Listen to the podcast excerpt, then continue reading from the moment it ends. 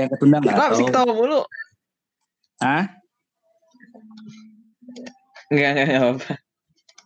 Ada nggak yang ketunda-tunda gitu Ada event apa? apa? Kan lu orang event kan. Banyak kan? Ah, benar. Banyak lah. Kok eh, kalau lu nanya gua banyak gak sih event yang ketunda gara-gara pandemi? Ya banyak lah kayak contoh eh apa namanya eventnya event gua sendiri Metako itu ketunda. Terus Hmm. habis itu banyak event yang harusnya itu pas di bulan April itu jalan kayak CODM Grand Final sama gue lupa kalau nggak salah GGWP pernah ada mau bikin event juga itu juga ketunda bahkan nggak jalan jadinya kan terus Hmm. yang eh, kayak event-event besar kayak MPL PM apa PNC PMPL kan harusnya offline tuh Mm-mm. cuman udah berubah jadi online semua gara-gara pandemi gitu sih buat sekarang maka sekarang eh, orang-orang lagi berlomba-lomba buat bikin turnamen online sambil nunggu pandemi kelar Tapi dari lu sendiri sebagai lu di Metako jadi apa sih Bel? Sebenarnya Bel? Eh gue di Metako sebagai eksekutif produser. Oh, buat yang nggak tahu eksekutif produser itu apa, jadi di sini eh, segala jenis kegiatan baik itu turnamen ataupun apa namanya turnamen sama medianya, terutama sosial media itu ada di tanggung jawab gua tuh. Hmm. By Kalau untuk loh. yang media kayak website, artikel, sorry, kalau untuk yang media atau website artikel itu kan kita punya editor in chief. Nah itu tanggung jawabnya di mereka kalau yang artikel beda Hmm. lagi. Hmm. Way, gue Mhm. agak kangen loh main ke sana loh Bel. gue terakhir, gue agak kangen main ke Metako. Gue terakhir kali di Metako itu 2017. Iya sebelum lo ada sih. Jauh sebelum lo Iya ada. sebelum ada. nyaman sih gue gue agak pertama gue ada satu hal yang gue sesali gue keluar dari Metako tapi gue malah masuk ke Bigetron di Bigetron pun juga gue nggak lama juga itu cabut hmm padahal dulu eh bos kita tuh bos kita kan bos Metako kan Hmm. nawarin dulu Mhm. kan tetap cuman gue nggak Hmm. mau kan gue waktu dulu bener-bener bocah banget sih tiga tahun lalu lah kurang lebih tiga tahun lalu gue di Metako iya Iya bagaimana udah ter- apa namanya? Udah zaman dulu kan lu di situ juga. Gua gua inget kok orang kan waktu itu pas gua main ke kantor dulu waktu sebelum gua join Metako kan waktu itu gua di mana ya? Gue lupa deh startup apa. si Kan ada lu juga di situ. lu sialan lu kan Apa? sialan lu Bukan anjir, bukan di apa namanya? Di bukan di siaranku, di Attack Defense dulu. Siaranku mah lebih jauh lagi anjir. Kita mah emang ken- udah kenal dari zaman siaranku. Iya, itu awal kita ketemu tuh lu, gua, B, eh, lu, gua, Krisna sama Sarah kan berempat tuh di ya, SMA 8, yang di SMA 1 sama berapa? SMA 1 ya? SMA 8, SMA 8 Eh, SMA 8 di ya. Sawit. Hmm, hmm. Itu ya pertama kali gua ketemu lu. Terus gua liat lah kok Beli, eh kok Sarah Olivia bawa hewan ya kan ke ke, ke Goblok. Goblok. Beda ya, eh, ini gak ada batasan ngomong kan? Enggak batasnya enggak Oke. ada.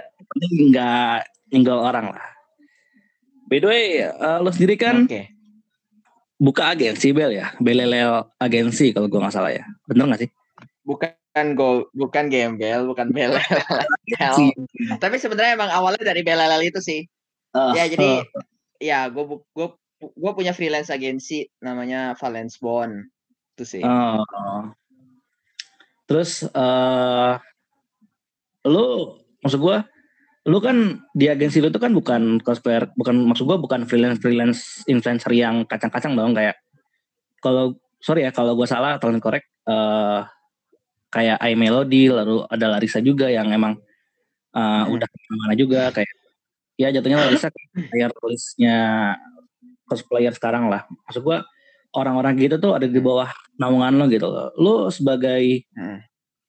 orang yang pertama kali, maksud gue dengan wajah lu yang agak kriminal ya kan, lo gimana meyakinkan mereka bisa join ke lo? Bangsat juga ya. Wa- Wajah gue yang cukup kriminal. Oke. Eh, sebenarnya simple ya Ki ya. Gini deh. eh kalau lu ngomong sama eh, kan ibaratnya gini nih, kalau lu ngobrol sama cewek ya, lu mesti jelas tujuannya gitu loh. Kalau ya kan kalau misalnya contoh nih, lu tadi ngomong gua muka gua kayak kriminal. Nah, kalau misalnya muka gua kayak kriminal terus tiba-tiba ngobrol ngajakin, misalnya contoh sama Larissa nih, gua ngajakin ngobrol Larissa, itu niatnya itu deketin dia, udah pasti kita nggak akan ada ini, nggak akan ada koneksi. Obrolannya pasti nggak akan nyambung karena pertama gue jelek kayak lu bilang kan, muka kriminal. Terus habis itu dia cantik, ya nggak mungkin lah mau sama orang jelek ya kan, apalagi first impressionnya juga pasti jelek gitu. Eh nggak ada yang tahu jodoh mah. Tiba-tiba ya, Larissa iya, bu, ya, kan. Ya enggak maksudnya lu nanya gua nih kenapa orang-orang ini percaya sama sama orang jelek kayak gua kan?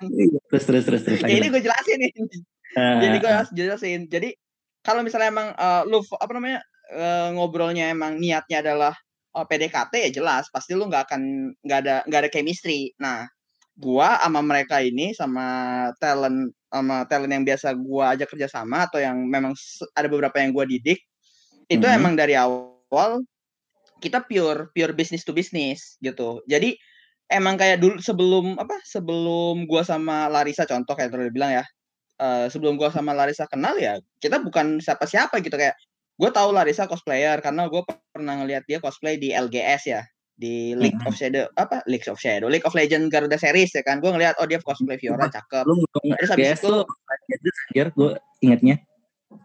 Apa? itu gue ingetnya lu ngomong LGS itu Land Gatris anjir. Bukan gembel. Padahal salah itu iya. Iya. terus. gue ingetnya gue gue pertama kali ngeliat dia tuh LGS kan. Terus gue liat oh ini cosplay Fioranya cakep. Terus habis itu gue follow. Ya emang gue suka maksudnya gue gue demen ngeliatin foto foto-foto cosplayer yang cantik kan daripada ngeliatin eh daripada ngefollow buzzer buzzer buzzer buzzer religi yang waktu itu kan lagi maraknya ya biasalah religi religi gitu nah Hmm. gue kos gue followin mereka ya selain Larissa ada banyak kayak contoh Cindy Monica terus habis itu kayak Clara Mongstar terus habis itu kayak Kelly, Kelly Boham waktu itu kan sempat naik daun lagi. Terus ada beberapa Hmm. kayak I Melody tadi sempat lu bilang. Nah itu juga awalnya gue gak kenal siapa mereka. Maksudnya kita nggak saling kenal gitu. Cuma kan eh, kalau lu bilang eh, awalnya kan gue juga nggak approach mereka atau kenal sama mereka juga memang tujuannya bisnis kayak dulu dulu awal pertama kenal kan waktu itu gue masih kerja di WOG tuh. Oke, eh, Mhm. jadi kalau buat teman-teman yang lagi dengar podcast ini bertanya WOG itu apa? WOG itu WOG WOG itu kayak kalau kita ngomongin One Piece bisa diibaratin kayak ini ya Ki ya apa kru bajak laut Roger ya anjing. pada bisa semua ya di situ ya kayak kayak kayak Iya kayak Roger Pirates lah isinya di situ apa orang-orang imba semua di e-sport Indonesia. Nah jadi eh, kan dulu kan gue kerja di situ, terus gue waktu itu kan memang yang bagian sosial media sama bagian talent manajernya. Jadi gue Hmm. kalau misalnya ada event apa, gue naik ngontak, gue nyari ta- talent buat di event itu. Nah habis itu kan awalnya ya itu gue ngajak Larissa buat event waktu itu gue ingat pertama eventnya MSC. Nah jadi kayak gue sama Larissa ngobrol buat MSC. Waktu itu dia masih di NXL juga jadi brand ambassador, ya ngobrol. Hmm. Ngobrolnya bener pure to, pure business to business. Nah dari situ kan bisnisnya kan lancar nih. Jadi kita Hmm. sama-sama trust. Gue tra, gue punya, gue percaya sama Larissa sebagai seorang talent karena dia bisa bekerja dengan baik.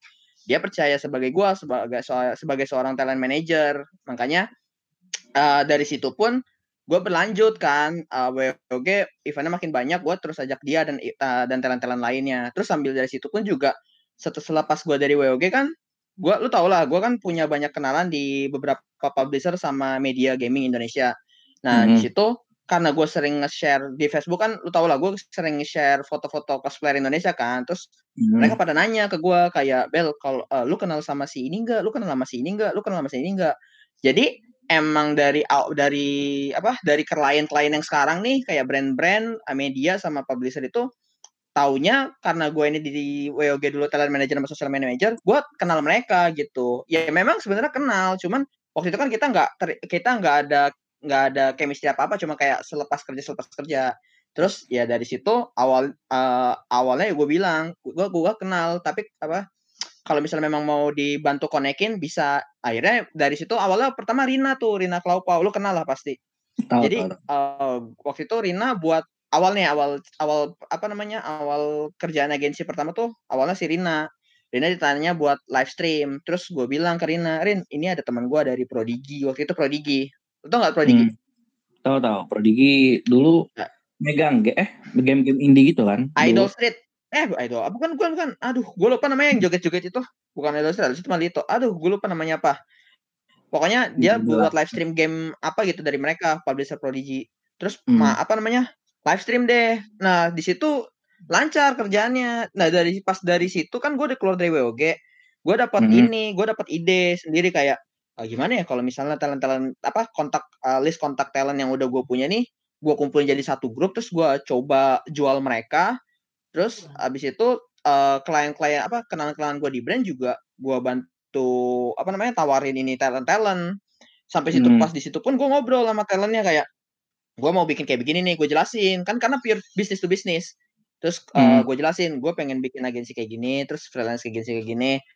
Eh eh, bayarannya segini, terus komisi buat gue segini gitu. Nah awalnya kan awalnya kan lu tau lah mereka waktu di tahun 2017 tuh kan eh 2018 pertama kali gue bikin kayak gini kan followersnya paling cuman kayak 20 ribu 20 ribu. Mereka kayak ya udah boleh deh karena kan mereka juga belum terkenal. Nah terus habis itu seiring berjalannya waktu ya gue bantu bus. Terus habis itu juga eh karena memang gue care sama mereka sebagai seorang telemanager, gue kasih beberapa tips sama triks gim- gimana caranya memanage sosial media yang baik kan.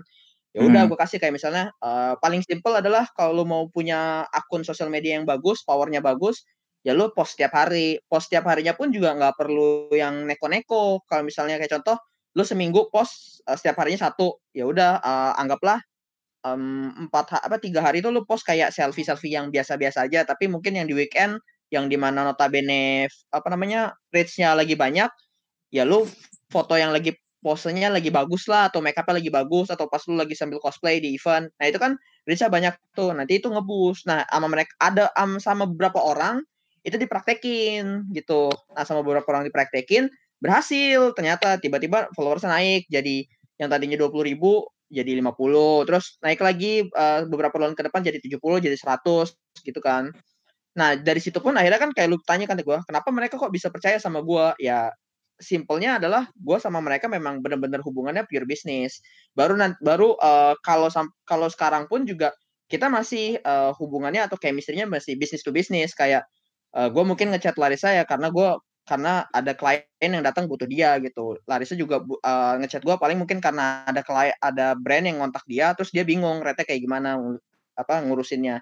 Ya kayak gitu aja gitu. Eh, gimana cara kita build build trust ya build eh, build kepercayaan antar satu sama antar satu sama lain. Jadi nggak ada yang neko-neko karena kebanyakan ya kebanyakan dari beberapa curhat mereka atau beberapa dari cerita orang-orang lain juga kebanyakan eh, mereka ini dikasih kerjaan tapi juga dimodusin gitu. Hmm. Lu tau lah pasti ada beberapa lu pasti lah tau beberapa orang nama-nama orang di e-sport yang kayak begitu kan. Kita nggak perlu sebut nama lah itu udah jadi Maaf, rahasia saya umum tidak di tahu.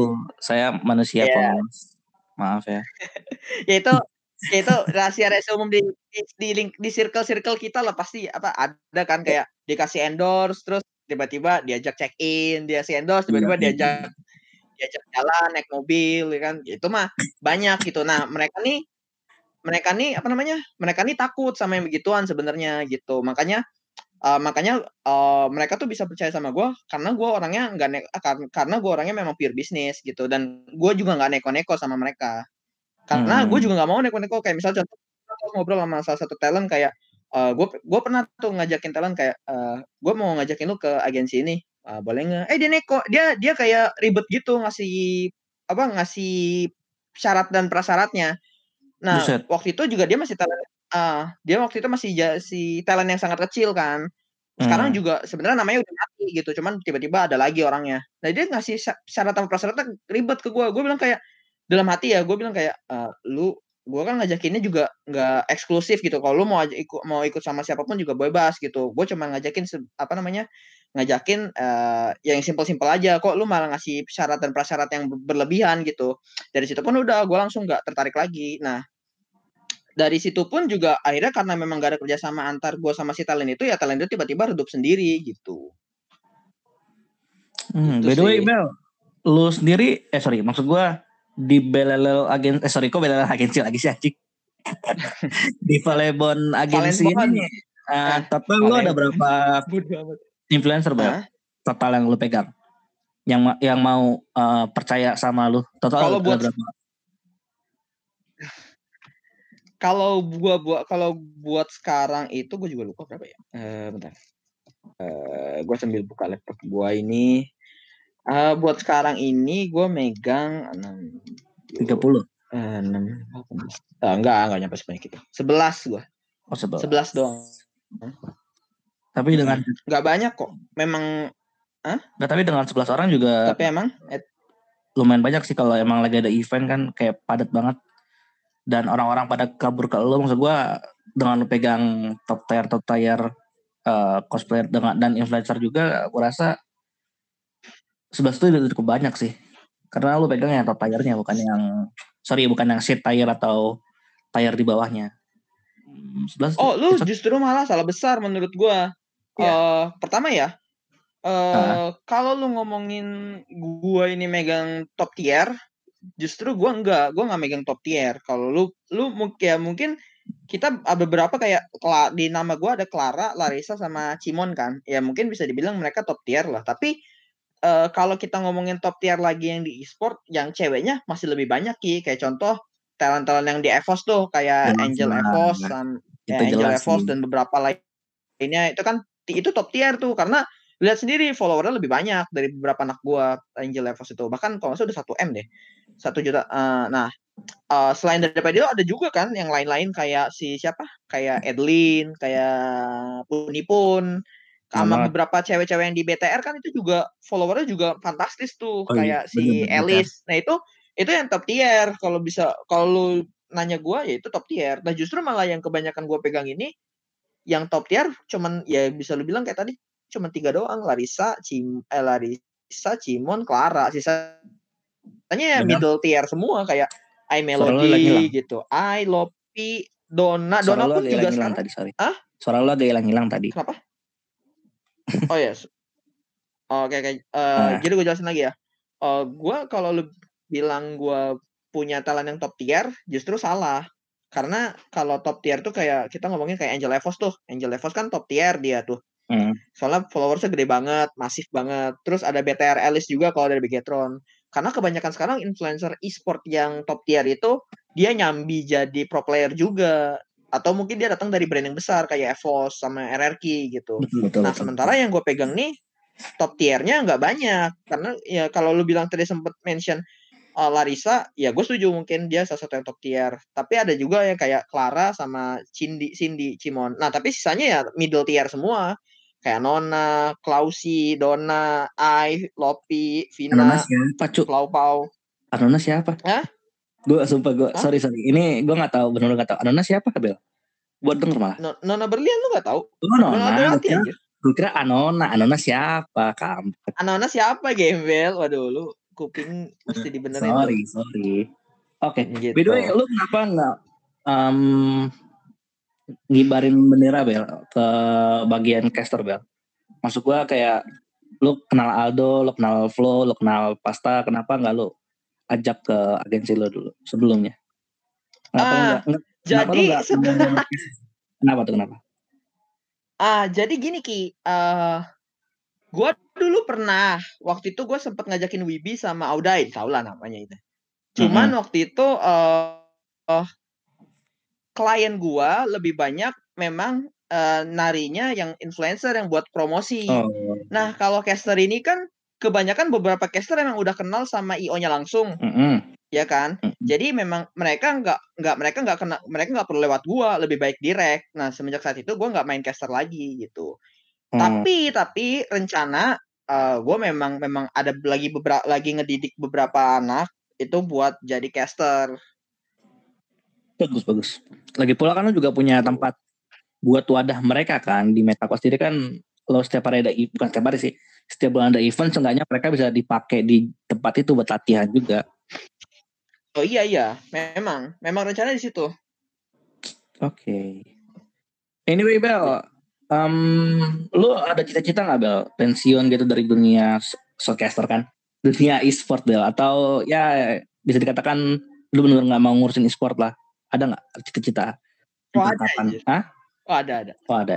Ada ada. Gua ada gue ada gue ada cita-cita ke situ di mana gue benar-benar lepas dari dunia ini terus gue nggak ngurusin ini ngurusin hal-hal hal-hal ini lagi sih. Itu ada ada cita-cita ke situ emang. Tapi menurut lo lo keluar dari e-sport tuh umur berapa? Umur ideal lo keluar dari e-sport? Uh, kalau gue ya, kalau gue sih uh, dari dari kalkulasi gue sekarang kayak 30 sih gue keluar e-sport.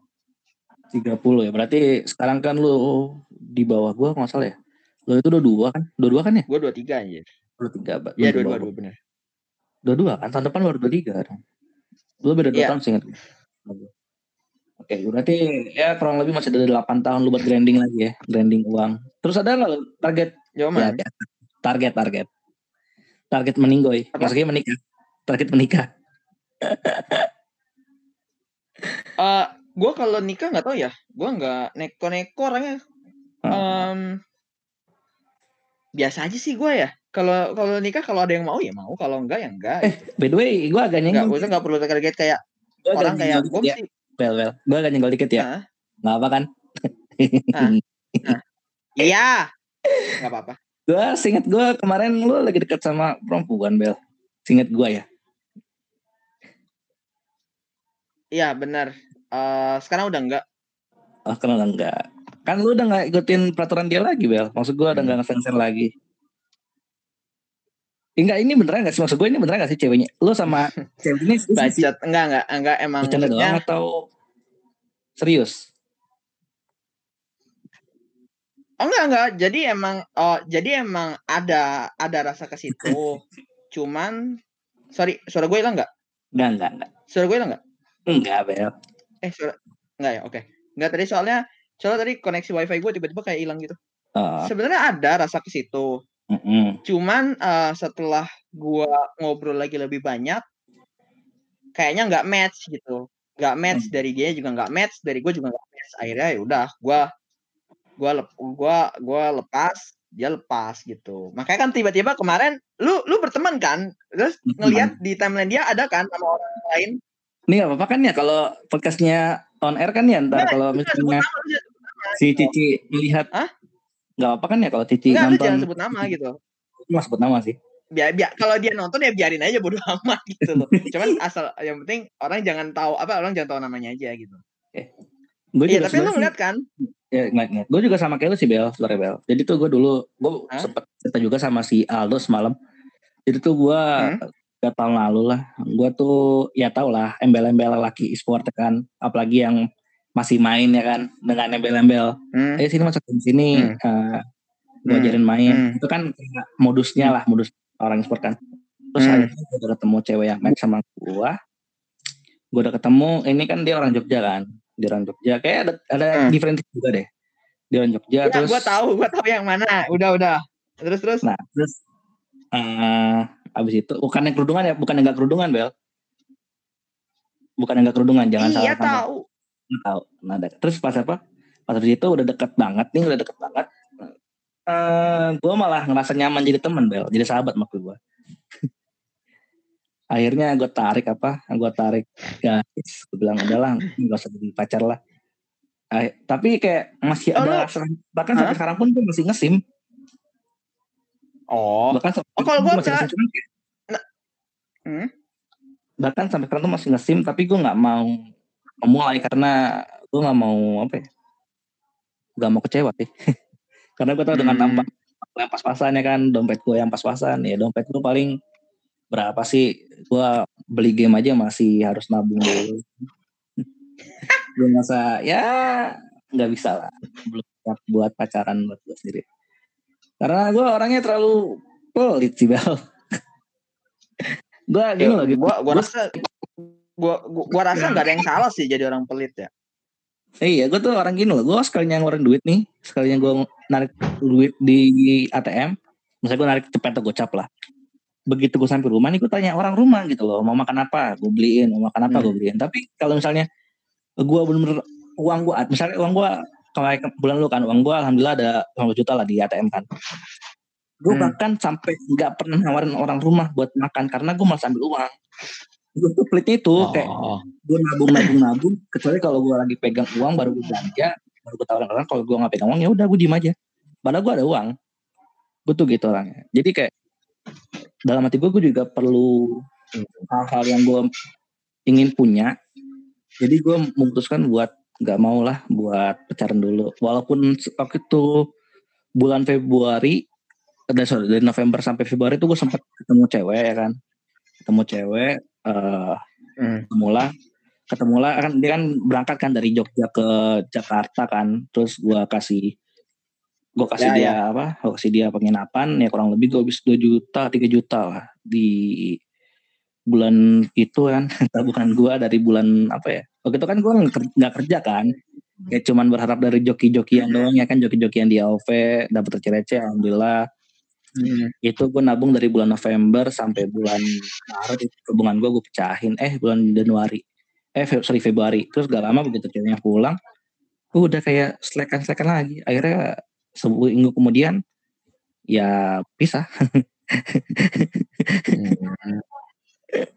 Jadi itu masa kayak sekalinya dapet pacar gue pingin sih kalau emang sama Tuhan dikasih dengan dari apa di waktu yang cepat ya gue pengennya orang Jakarta aja cukup habis di uang ongkos makan atau ongkos bensin lah atau ongkos grab lah kan karena kan gue nggak bisa bawa motor atau bawa mobil ya kan ya gue berharap yep. orang Jakarta aja sih ah hmm, by the way Bel lu hmm. Kesibukan selain kerja apa lagi Bel? Gak ada gue kalau kalau nanya gue kesibukan selain kerja gak ada sih kerja apa. Kesibukan gue kerja semua sih. Paling kalau lu mau uh, paling kalau lu tanya gue hal yang paling lagi gue pikirin selain kerjaan kan lu tau lu tau lah kalau gue kan suka eh gue kan punya fanpage ya. Mm -hmm. ya kan? Nah, gue punya fanpage. Nah fanpage eh, yang belelel tuh. Nah paling gue kalau misalnya lagi apa kalau lagi nggak kerja uh, kerjaan gue eh kerja gue kayak ngomongin kerjaan. Jadi paling ya kegiatan gue nulis di fanpage itu. Fan, paling nulis di fanpage itu ya isinya nge-review game. Jadi kayak kan lu tau lah gue kan ada apa namanya gue kan juga punya basic sebagai jurnalis uh, ini kan. Nah jadi gue paling nulis artikel kayak nge-review game. Kayak kemarin gue abis kelar main Zelda Breath of the Wild kan. Gue kelar main terus abis itu gue punya kayak punya something yang pengen gue share gitu loh. Karena kan gue nah. suka sharing. Ya udah akhirnya gue gua tulis itu gue tulis review Zelda BOTW gue post di fanpage gue itu doang. Terus tapi semenjak dari Zelda BOTW itu gue jadi setiap gue habis main game gue jadi pengen selalu nge-share. Kayak terakhir ini kan gue lagi main Bayonetta nih. Baru kelar main hmm. Bayonetta gue pengen nge-share tentang Bayonetta. Terus kan uh, Assassin's Creed Valhalla kan baru rilis ya gue jadi pengen hmm. nge-share tentang Assassin's Creed Valhalla gitu cuman belum tamat tapi tetap gue pengen nge-share sama ini nih yang lagi hot-hotnya kan Genshin Impact nih. Nah, Genshin hmm. Impact kan kayak banyak yang debatin nih kayak apa uh, Genshin Impact, Genshin Impact tuh kalau di compare sama Zelda terlalu mudah atau Vika terlalu kartun kayak gitu. Gue gue pengen gue udah udah ada bahan buat uh, yang mau dibahas tuh apa. Cuman gue kadang ma pertama kayak malas aja gitu nulisnya kayak aduh gue pengen pengen ini cuma malas gue pengen ini cuma malas gitu. Terus kedua yang paling godaan yang paling berat kalau buat ngalang eh halangan yang paling berat buat ngelakuin itu tuh balik lagi kerjaan sih. Makanya gue sekarang kayak apa, apa? kan tahu lah sekarang kan suaranya kayak, hilang tadi. Uh, iya, sorry, uh, jadi kan kayak tadi gue punya hobi gue punya hobi nulis di fanpage kayak nge-review game itu kan apa lu uh, pengen banget tuh hobinya. Cuman kayak kembali tadi lu nanya gue kesibukan apa ya gue sibuk kerja gitu. Jadi uh, kerjaan gue kadang suka menghalangi hobi gue yang itu. Tapi kan kalau kerja kan perihal tanggung jawab sama komitmen jadi nggak boleh dilepas gitu kan. Apalagi sekarang Metako kan hampir setiap minggu itu kan ada turnamen. Terus sekarang setiap hmm. bulannya kita lagi punya lagi jalanin turnamen online yang besar. Jadi ya hmm. harus fokus itu dulu baru kalau lu punya hobi ya kalau lu punya waktu luang baru hobi lu lu jalanin gitu by the way Bel lu di Genshin Impact udah habis berapa Bel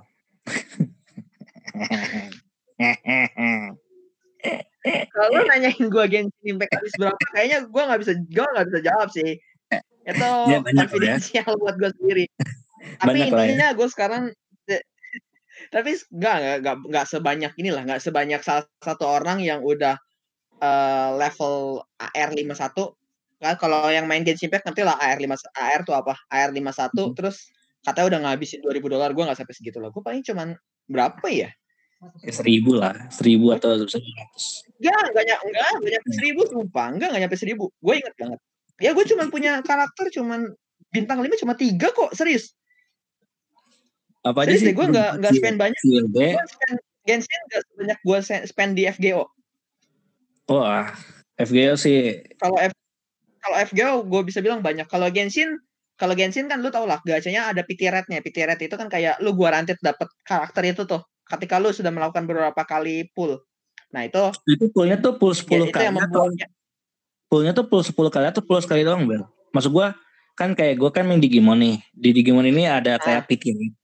Kayak ada PT rate kan. Mm-mm. Tapi PT rate-nya itu tuh Mm-mm. kayak eh, lu sekali lu sekali ngepull tetap jalan PT rate-nya.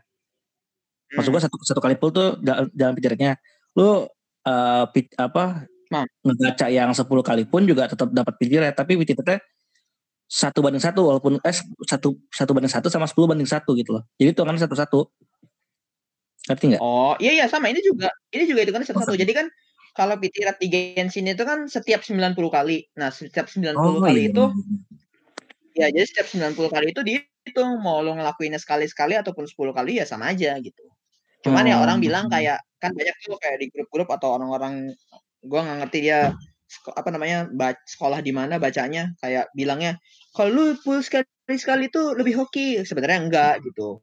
Justru malah kalau bisa bilang gua lebih suka 10 kali. Kenapa? Karena kalau lu 10 kali kan lu garanti dapat yang bintang 4. Itu sih. Kalau lu kalau lu kenapa- full sekali-sekali 10 kali kalau lu enggak hoki lu dapetnya bintang 3 semua dong rugi anjir. Sumpah loh, gue gue sampai sekarang ya, gue sampai sekarang gue nggak pernah, bukan nggak pernah sih, gue seka, pernah sesekali ngepull saat mau ngepull sekali deh. Cuman gue nggak pernah mau gitu. Kalau emang nggak kepepet dan nggak kepo, gue nggak bakal pencet tuh pull sekali itu. Tombol pull sekali gue nggak bakal pencet kalau gue nggak kepo aja. Gue kayak kemarin kan di Oh, Digimon iya. tuh baru rilis, di Digimon kan baru rilis tuh kemarin bannernya Rafemon yang bersmod, terus eh, Ga- Galanmon yang apa? Galanmon yang Crimson. Crimson sama kemarin baru rilis lagi di hari di hari Senin Chaosmon yang perpaduan Bencholeomon sama Dark Dramon. Itu kan baru rilis tuh. Gue kayak gacha kan. Gue pertama gacha di bannernya Rafemon. Ini udah kayak Mhm. di Digimon kan kayak rate-nya kan kecil gitu kan. Sebenarnya sih nggak rapid rate sih kayak ritual lah ritual. Kayak ritual gue kan selalu ritual gue tuh kayak abis reset rank, dia reset ranknya itu kan Ya. eh, reset rank itu kan dapat gajian tuh.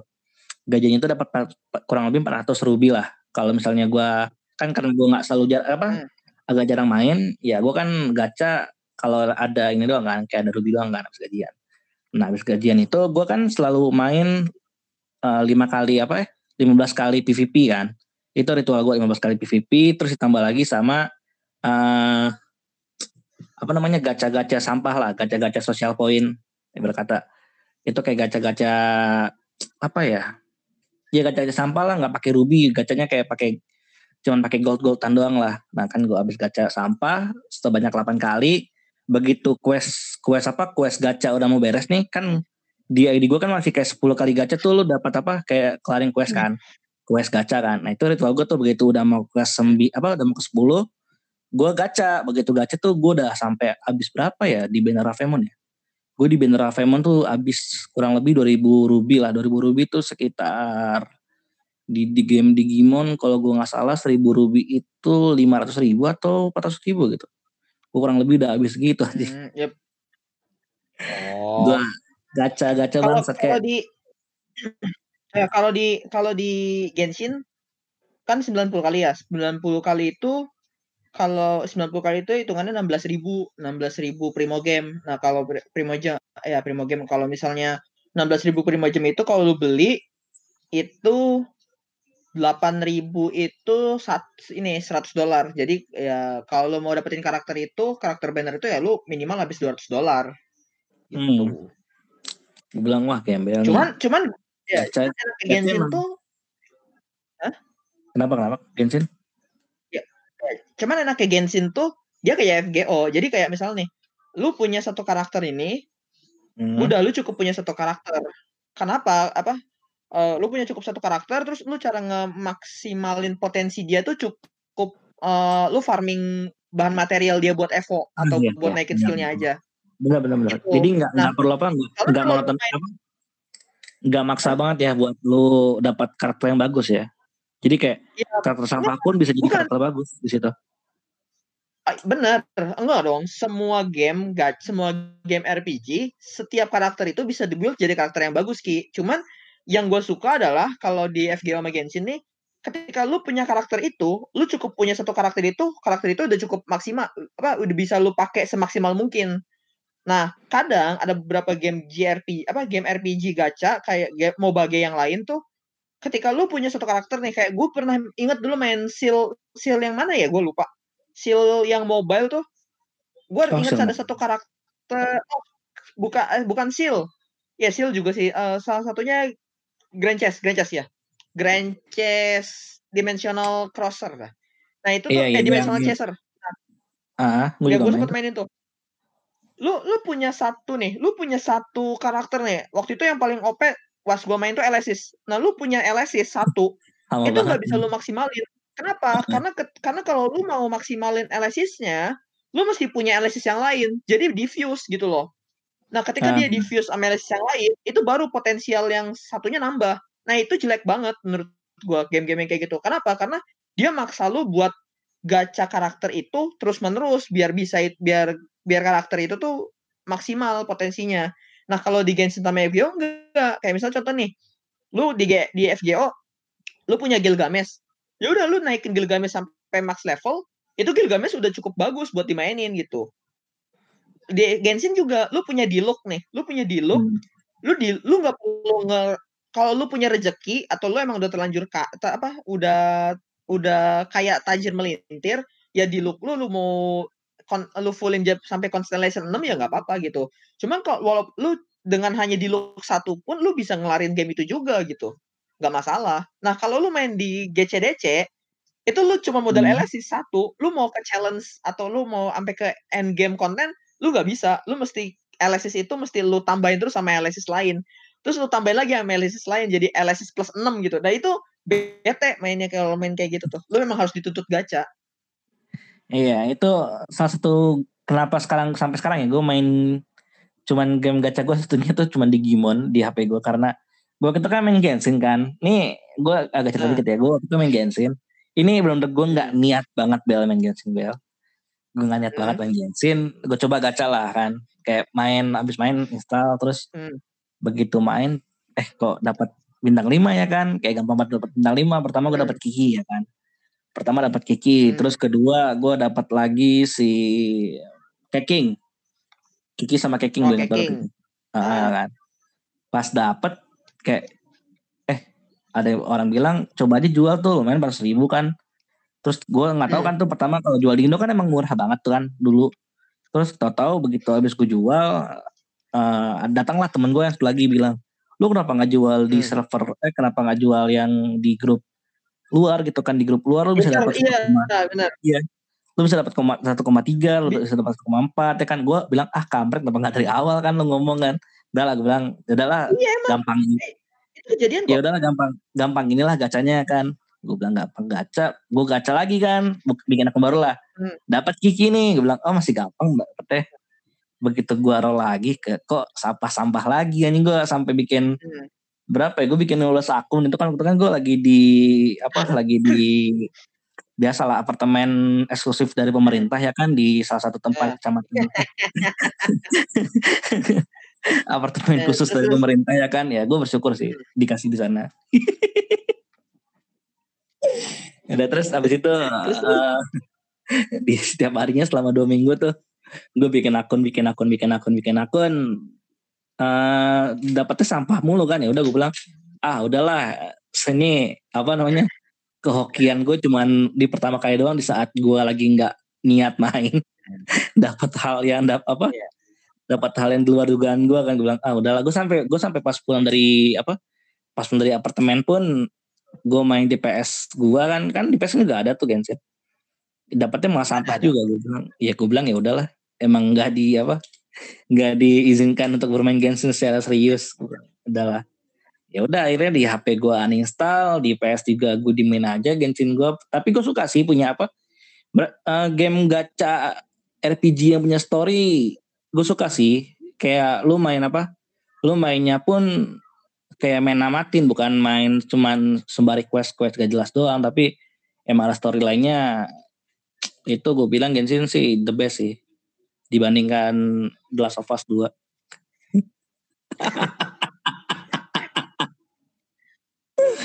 Ayo masih Aduh. ngebahas gue bahas 2020 2020. Eh, sumpah loh itu gue gimana ya gue bukan gue bukannya jahat sama Laskar Pelangi ya lo tau, tau kan Laskar Pelangi kan Laskar Pelangi nanti lu, lu baca di Facebook lah pokoknya gue gue uh, bukannya nggak seneng sama Laskar Pelangi tapi uh, apa namanya lu punya film aja yang didominasi sama kaum kaum Laskar Pelangi dan SJW uh, itu kan banyak banget headnya kan. Apalagi dia bikin game gitu loh yang di mana emang di sini orang-orang bisa dibilang anti sama hal itu gitu loh. Malah lebih banyak head lagi kan dan dan ditambah lagi pingin masuk ke game of the year gila apa ya? Dengan banyaknya haters di game itu ya oke okay lah grafiknya oke okay, grafik segala macamnya oke. Okay. cuman udah historinya kan orang-orang juga mikir story kan bukan cuma sebatas grafik. Bahkan game kayak Fall Guy pun bisa dimasukin ke GOTY ya kan?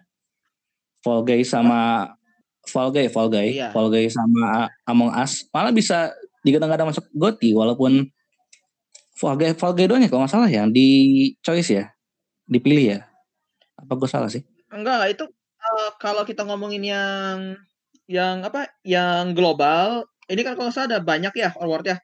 Kalau yang joystick hmm. masuk mereka. Cuma kalau yang hmm. yang terakhir ini yang kemarin tadi gue baru share itu yang apa ya gue. Yang gaming award itu enggak dia nggak masuk emang Fall Guys sama Among Us. Tapi kalau yang hmm. yang satu lagi yang yang Golden Joystick itu ya ada ada Among Us sama si Genshin aja ada Genshin uh, Among Us sama apa sama Fall Guys ada gitu. Ada. Bahkan game sebenarnya sih sekarang tuh yang penting game jangan terlalu monoton lah ya ke arah-arah sana. Karena di Se uh, nggak karena di komunitas game pun bisa dibilang anti SEO-nya tuh banyak banget sih. Super banyak.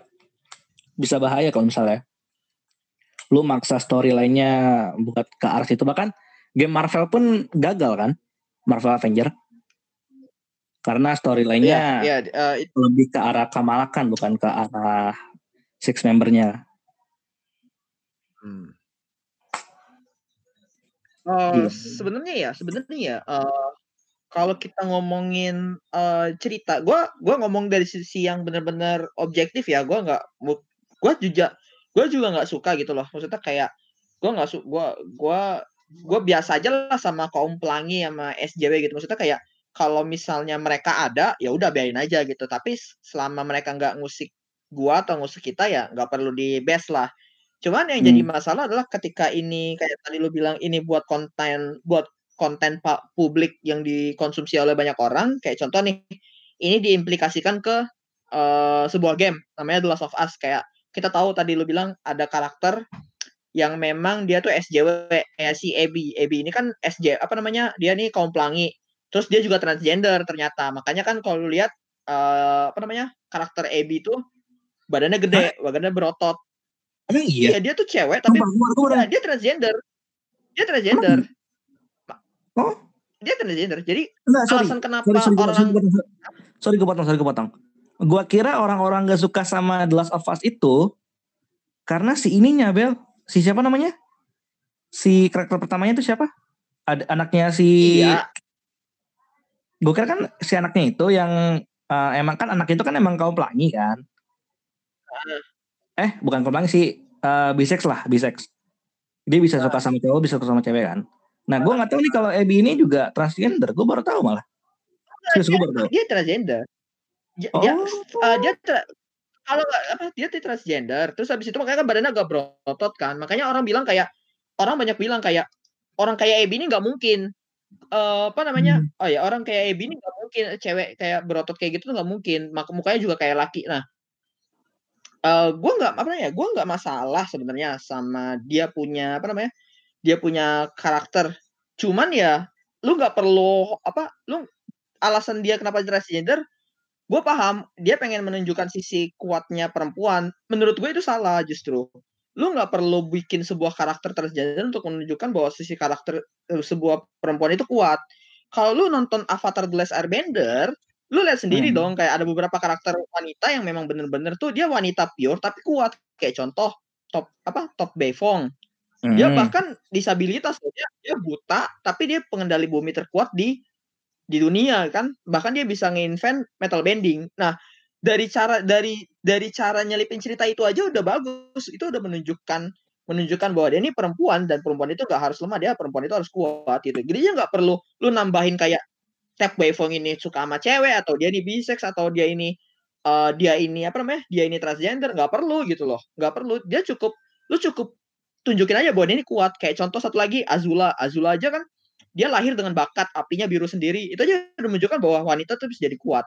Katara Katara aja yang awalnya cuma ngendarin air cuman kayak percikan-percikan doang tiba-tiba pas di di ending filmnya dia bisa ngalahin Azula. Itu aja udah bisa nunjukin loh kalau ternyata apa kalau karakter dengan dengan progres cerita yang baik dan benar orang bisa suka sama karakter perempuan yang kuat. Nggak perlu lu lu nggak perlu lu paksakan dengan background background yang aneh gitu. Kayak tadi kita kita lagi ngebahas TLU 2 kayak dia dia ternyata transgender makanya badannya berotot terus habis itu dia dia apa namanya dia suka cowok sama suka cewek itu kan aneh gitu loh nggak perlu diselipin agenda-agenda kayak gitu karena karena kalau lu nyelipin agenda kayak gitu, orang malah benci sama karakternya. Karena karena kan kita ini uh, main ini kan juga berharap uh, apa namanya berharap sebuah game ini natural gitu loh. Kayak kita mainin karakter hmm. cewek ya udah karakter ini cewek gitu loh. Selesai. Kita mainin karakter ini cowok ya udah selesai. Karakter ini cowok gitu. Kecuali, Kecuali kalau uh, kayak oh, sorry. Kecuali, Kecuali kalau game, sorry sorry gue potong. Kecuali kalau gamenya itu kayak Tekken ya. Kecuali gamenya kayak Tekken. Kayak cewek oh, punya brotol terus muka mukanya mukanya kayak laki ya itu it's okay lah. Karena kan game fighting ya kan? Ya nggak sih? Oh enggak juga dong. Oh iya. Emang Tapi, em, emang lu melihat karakter cewek ada yang mukanya kayak laki? Siapa coba? Nggak ada sih. Cuma yang muka cewek semua sih. ada. Nah, iya maksudnya nggak perlu lu tambah tambahin misalnya contoh kita ambil Tekken kayak misalnya nih Tekken 8 rilis terus karena si ownernya ini SJW dia nyelipin agenda SJW kayak misalnya ternyata si ternyata ada satu karakter dia cewek. Tapi ternyata berotot terus mukanya garang banget. Tapi di definisi uh, gendernya dia cewek. Tapi ternyata pas dicek background story-nya dia transgender. Kan kayak gitu nggak nggak penting gitu loh. Ada orang malah Leo, jijik. Leo bukan cewek? Enggak nggak Leo tuh cowok. Cuman cuman karena emang ini di Jepang di Jepang tuh emang ada beberapa cowok cantik nah itu memang hmm. itu nggak masalah. Tapi memang ya memang dia ini cowok gitu loh. Nah maksud gua lu nggak perlu nyelipin agenda-agenda yang aneh. Lu cukup memang natural-natural aja loh. Kayak dia ini cewek ya cewek. Kalau dia ini cowok ya cowok gitu loh. Lu juga nggak perlu lu nggak perlu ngasih agenda-agenda yang aneh atau background-background story yang aneh.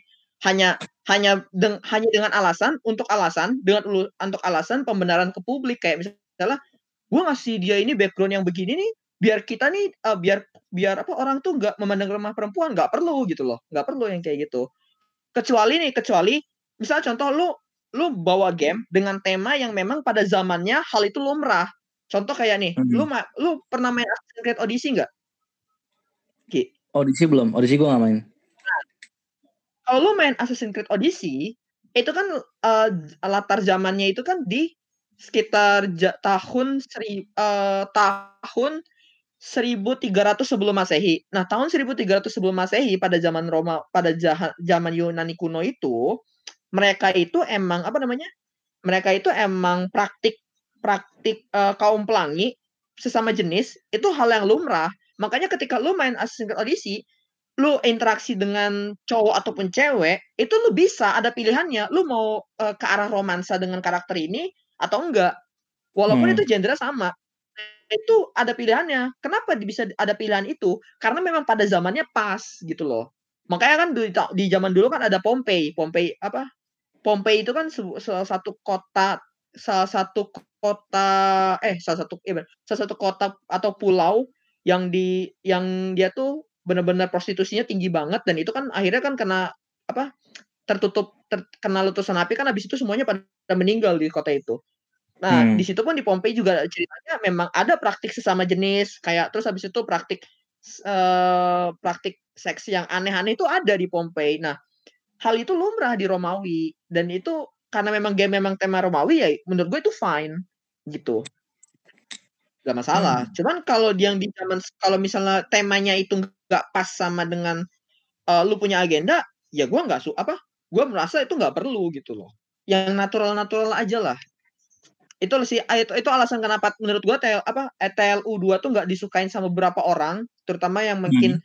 yang mungkin ya uh, kita kan uh, apa namanya? Kita yang yang nggak suka sama kaum SJW itu salah satunya yang kedua yaitu Joelnya mati di pertama karena karena kan Joel ini kan eh, karakter favorit atau karakter yang bisa bawa nama The Last of Us pertama tuh bagus banget ya karakter ini. Cuman di di seri berikutnya ternyata di dibunuh di awal game ya uh, mereka nggak suka aja. Dan jujur menurut gue juga itu uh, kejam sih. Bu, bu apa ya? Bu, dari Naughty Dog sendiri menurut gue itu keputusan yang kejam. Gue tahu itu anti mainstream ataupun itu bisa bikin drama, cuman kejam aja gitu loh mungkin kalau dimatiin di akhir it's okay lah Bella buat menutup game itu Bella. Ya. kalau di, dimatiin terakhir drama apa feel dramanya masih ada gitu dan itu menurut gue cukup bagus. Cuman ya kembali sih hmm. uh, setiap orang seleranya beda-beda kan. Kalau soal hmm, bikin cerita. Betul, betul. Eh Bel, Bel, Bel. Kita nggak bisa By the way, lu masih ada sering ngekes gak sih Bel? Ngekes game? Kalau gua nge-cash udah benar-benar pensiun. Udah benar pensiun ya. Waktu itu kan kalau nggak salah lu sempat ikut shortcaster eh shortcaster ya, AOV. di AOV. Itu lu kenapa nggak nggak pernah nah. muncul bel? Berdua ya bel? Kayak cuma ikut doang. Setelah itu? Ah, ah. Kenapa lu nggak pernah muncul oh. di scene Pertama ya? Uh, ya, pertama ya satu, uh, ketika gua waktu masih ikut AOV itu kan sebenarnya ini ini alas motivasi gua buat ikut AOV Caster Hunt atau ya AOV Caster Hunt ya waktu namanya, gue lupa deh. Itu iya, iya alasannya iya, jahat sih, alasannya jahat. Ya gua alasan kenapa gua ikut AOV Caster Hunt terus gua mau menang di sana tuh alasannya jahat sih. Uh, pertama gue pernah kayak kayak dulu pernah cerita ya. Jadi gue kan dulu sebelum jauh kayak satu tahun sebelum AOV casteran itu kan gue pernah nge-cash buat Garena tuh mm -hmm. ya nge-cash buat AOV kan terus nah pas gue nge-cash buat AOV besoknya itu gue ada nge-cash buat eventnya Toys Fair Mobile Legend mm -hmm.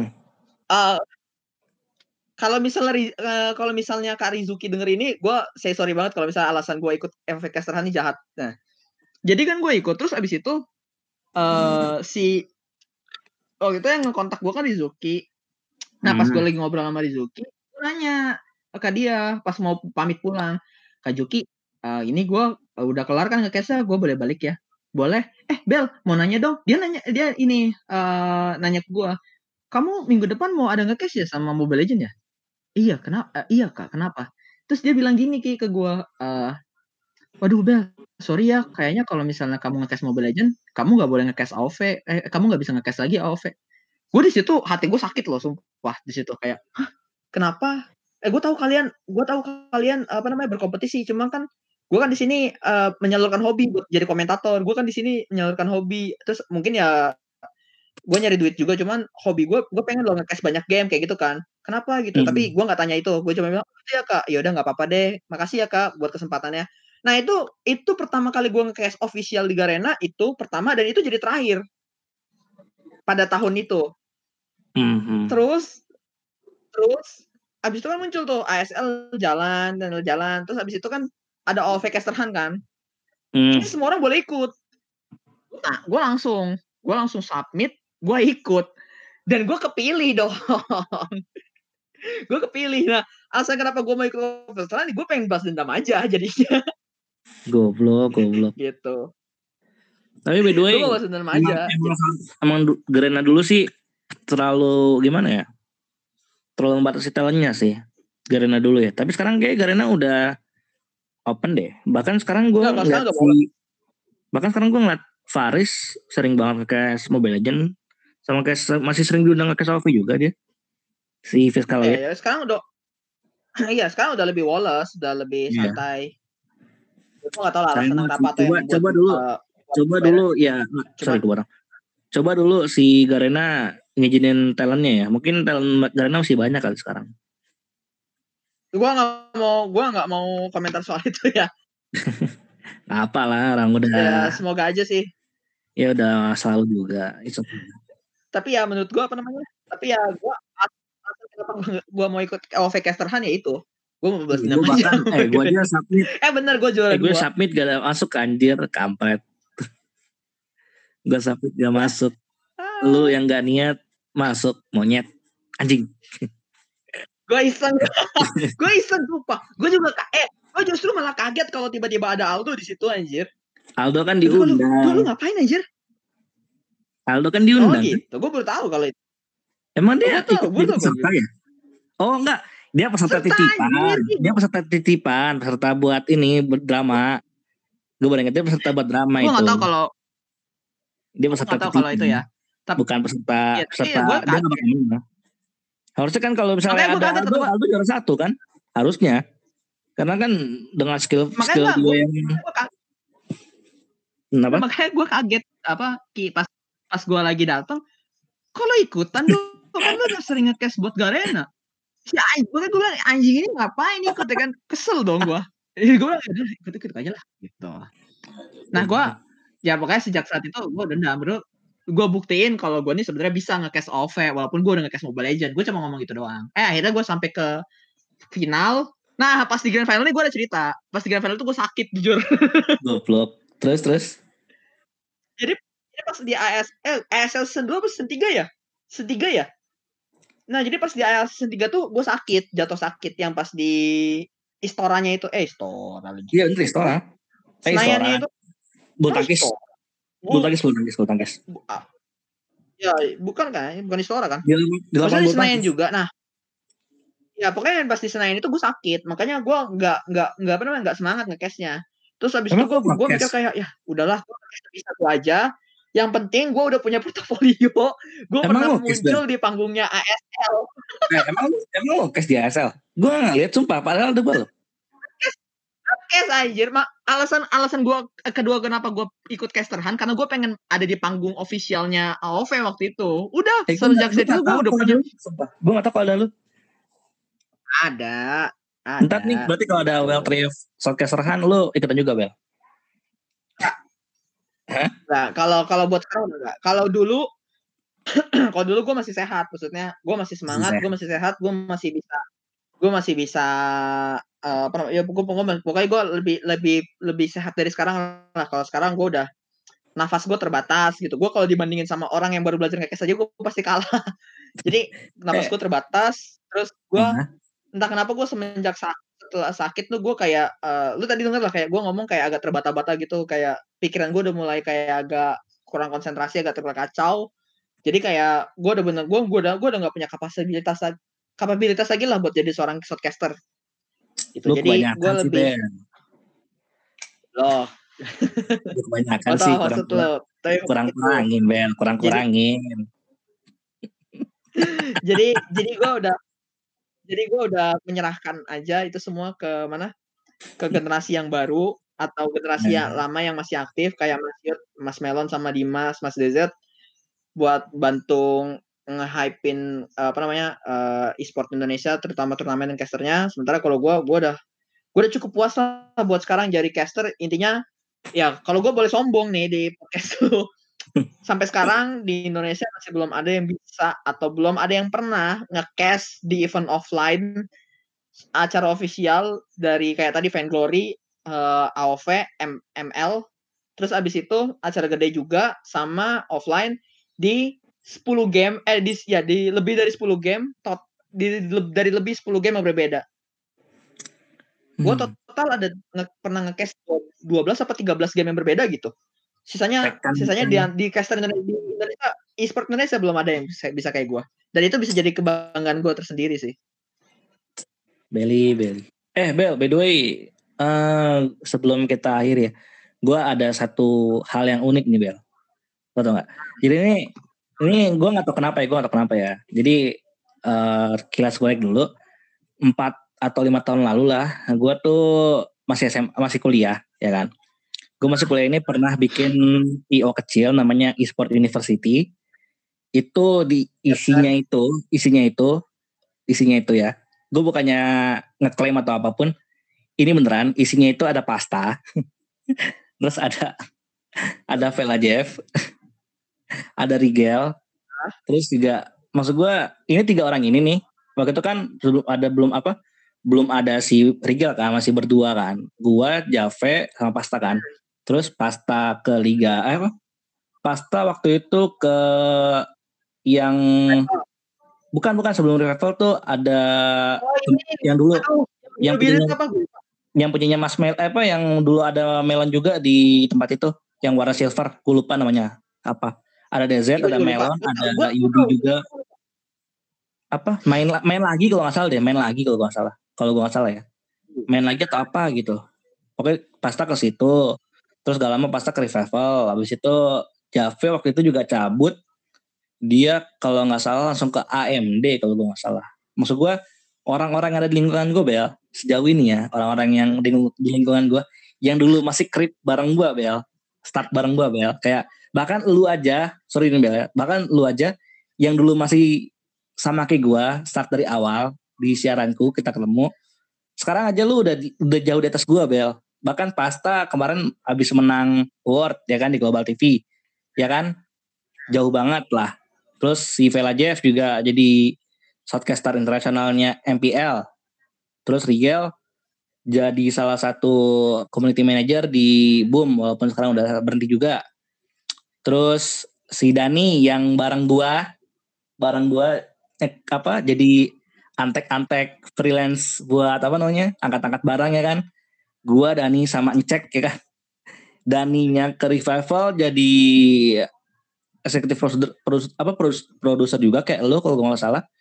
Sama si Encek jadi eh, desainer di ISL ya kan? Tuh kayak orang-orang lingkungan gue nih udah sukses semua nih ya kan? Gue masih kayak diem di tempat doang anjing. Kayak kemarin gue ke Aura juga. Di Aura gue nggak ngerasa nyaman kan? Hmm. tiga bulan gue kerja gak ada prospek yang bagus begitu gue mau keluar nggak lama ada telepon bos gue gue dipecat ya udah. Gue bilang ya udah ya. Hmm. gimana? Gue juga nggak- ngerasa nyaman di kantor juga jadi sudah lah. Gue kayak ngerasa hidup gue gini-gini aja sih. Ujungnya gue di rumah cuman grinding game online doang sih. Sekarang ya walaupun pendapatannya ketutup cuman gue agak bosan sih agak jenuh. Cuman ya gimana ya gue ngerasa nyaman juga di rumah karena gue nggak perlu buang ongkos keluar ya kan. Nah, kurang lebih kalau gue hitung-hitung ongkos gue ke kantor aja gue bisa habis satu juta sekian terus ditambah lagi belum uang makan ya kan. Sedangkan kalau gue di rumah uang ongkos aman uang makan aman ya uang makan paling tambah-tambah buat di rumah lah. Ya selanjutnya Hmm. keuangan gue normal-normal sih kalau gue di rumah jadi ya gue agak heran sih kenapa orang-orang di lingkungan gue udah jadi super elit sedangkan gue masih jadi krip doang sih. Aduh. Eh, terus? Apa? Terus apa? Terus Terus- nabrak nggak ada lagi anjir. Oh, gue lu, cuma lu, lu, lu lagi cerita. Gue kira lu, lu mau anjir. nanya. cerita cu. Parah emang. Aduh. Gimana ya Ki ya? Kalau lu kalau lu ngomong kayak gitu terus abis itu lu ada pertanyaan ke gue mungkin kayak gimana ya kok lu pada bisa? Gue enggak. Lu kalau Hmm, misalnya ada gua orang nanya kayak gitu pun ke gue juga gue tau jawaban gue enggak kalau misalnya orang nih nggak gue tau jawaban gue ada orang juga nanya gue tau Apa? jawaban gue kalau misalnya kenapa gue nggak bisa kayak kalian. Gue orangnya dulu ya dari yang tadi gue bilang dari awal kali dari, dari pertama kali gue punya opportunity tapi gue itu ingin bermain. Jadi ya sudah. Pemikiran gue dulu dari dulu itu eh, mungkin sekarang udah mulai berkurang pemikiran ingin bermainnya tapi sekarang kan gue kayak lebih idealis lagi lah. Kayak gue lebih mikir kayak transportasi gue agak jauh dan segala macamnya ya kan. Sekarang gue lebih mikir ke sana. Cuman kalau dulu yang emang belum bener gue bisa dapat uang sebulan bisa dapat di atas jauh UMR kayak masuk tim Bigatron dan segala macam ya gue dulu keluar juga pengen bermain sih pengen main pengen bebas jadi ya udah itu jawaban dari gue sendiri sih jadi mungkin buat para podcaster gue eh mungkin buat para listener gue yang dengerin gue kalau kalian dapat opportunity ya tolong dimaksimalkan aja daripada nyesal di belakangan itu kalau dari pengalaman gue sih dimaksimalin sampai Hmm. kalian benar-benar dapat semua yang kalian inginkan Itu jawaban gue sih. Ya. Makanya gue eh, kalau kalau kalau yang part itu ya kalau part itu gue setuju sih maksudnya kalau emang lu uh, simple sih sebenarnya ya. Uh, gue nambahin punya lu aja deh.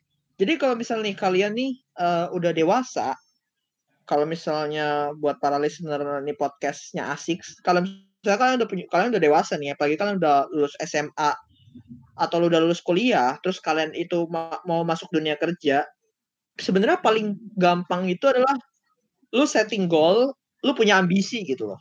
Jadi kayak lu harus jadi orang yang ambisius sih kalau misalnya memang lu mau berkembang. Jadi kalau kalau itu sih rahasia gue kalau kalau mau tahu kayak jadi kayak uh, eh, gue nih mungkin lu ngeliat lah kayak gue ngasih sering sharing meme gitu kan, sering hmm. sharing meme atau sering sharing foto-foto cewek, sering foto anime. Ya maksudnya itu memang apa kegiatan yang pengen gue kasih lihat ke orang-orang aja. Kalau gue nih orang sebenarnya suka bercanda suka suka nggak serius suka hahi tapi di belakang itu gue sedang menye gue sebenarnya nggak suka menyembunyi apa gue nggak suka nunjukin atau gue suka menyembunyikan gue nih suka menyembunyikan apa yang lagi gue kerjain gitu kayak misalnya lu tahu kan gue suka ngerjain uh, apa namanya hanya mungkin hanya orang terdekat atau yang kenal gue doang kalau gue suka ngerjain kayak freelance agensi orang orang FB taunya gue cuman Belly ini akun Facebook Belly cuman nge-share foto kalau nggak meme, anim, game gitu kan. Apa sih ini orang kerjanya apa gitu. Cuma ya cuma kalau di belakang itu kalau kalian kenal ya gue orangnya ambisius kayak gue di Metako gue punya target di mungkin di Metako sekarang yang orangnya paling ambisius itu gue karena yang punya goal yang bahkan uh, yang bahkan yang settingin goal ini yang yang setting ini apa kantor punya goal itu mau ke mana mau ke mana itu sekarang kadang hampir mayoritas idenya dari gua gitu loh. Hmm. Bukannya sombong tapi kenyataannya seperti itu gitu. Jadi kebanyakan mayoritasnya dari gua karena gua punya ambisi kalau misalnya karena apa setiap gua kerja tuh kadang gini ki gue setiap kadang kerja baik itu dulu di WOG ataupun sekarang di Metako ataupun di perusahaan yang sebelumnya itu gue selalu nganggep bahwa tempat kerja gue ini adalah milik gua gitu. Jadi jangan sampai apa yang jadi milik gua ini gagal. Gitu loh. Dan kalau bisa ini jadi yang terbaik di antara yang lain. Itu sih gue punya ambisi ke situ kalau setiap gue kerja. Dan dan kalau misal dalam hidup gue pengen sebisa mungkin hidup gue seenak apa se senyaman dan seenak mungkin gitu nggak serepot apa nggak nggak perlu jadi kayak kalau ya paling simpel buat zaman sekarang adalah kalau mau makan apa tinggal tinggal beli gitu loh kalau mau minum apa tinggal beli jadi nggak perlu mikirin soal duit. Kalau lu mau main game apa tinggal beli. Kalau lu mau ngakuin sesuatu tinggal lakuin. Jadi ambisi ambisi gue buat sekarang sih itu. Biar biar gue bisa memenuhi apa yang pengen, apa yang gue inginkan. Bagaimana cara gue memenuhi ambisi itu ya gue mesti bisa kerja, bisa hasilin duit yang banyak itu sih paling simple. Kayaknya dulu gue agak tel, agak kecepatan sih masuk metaku ya kayaknya.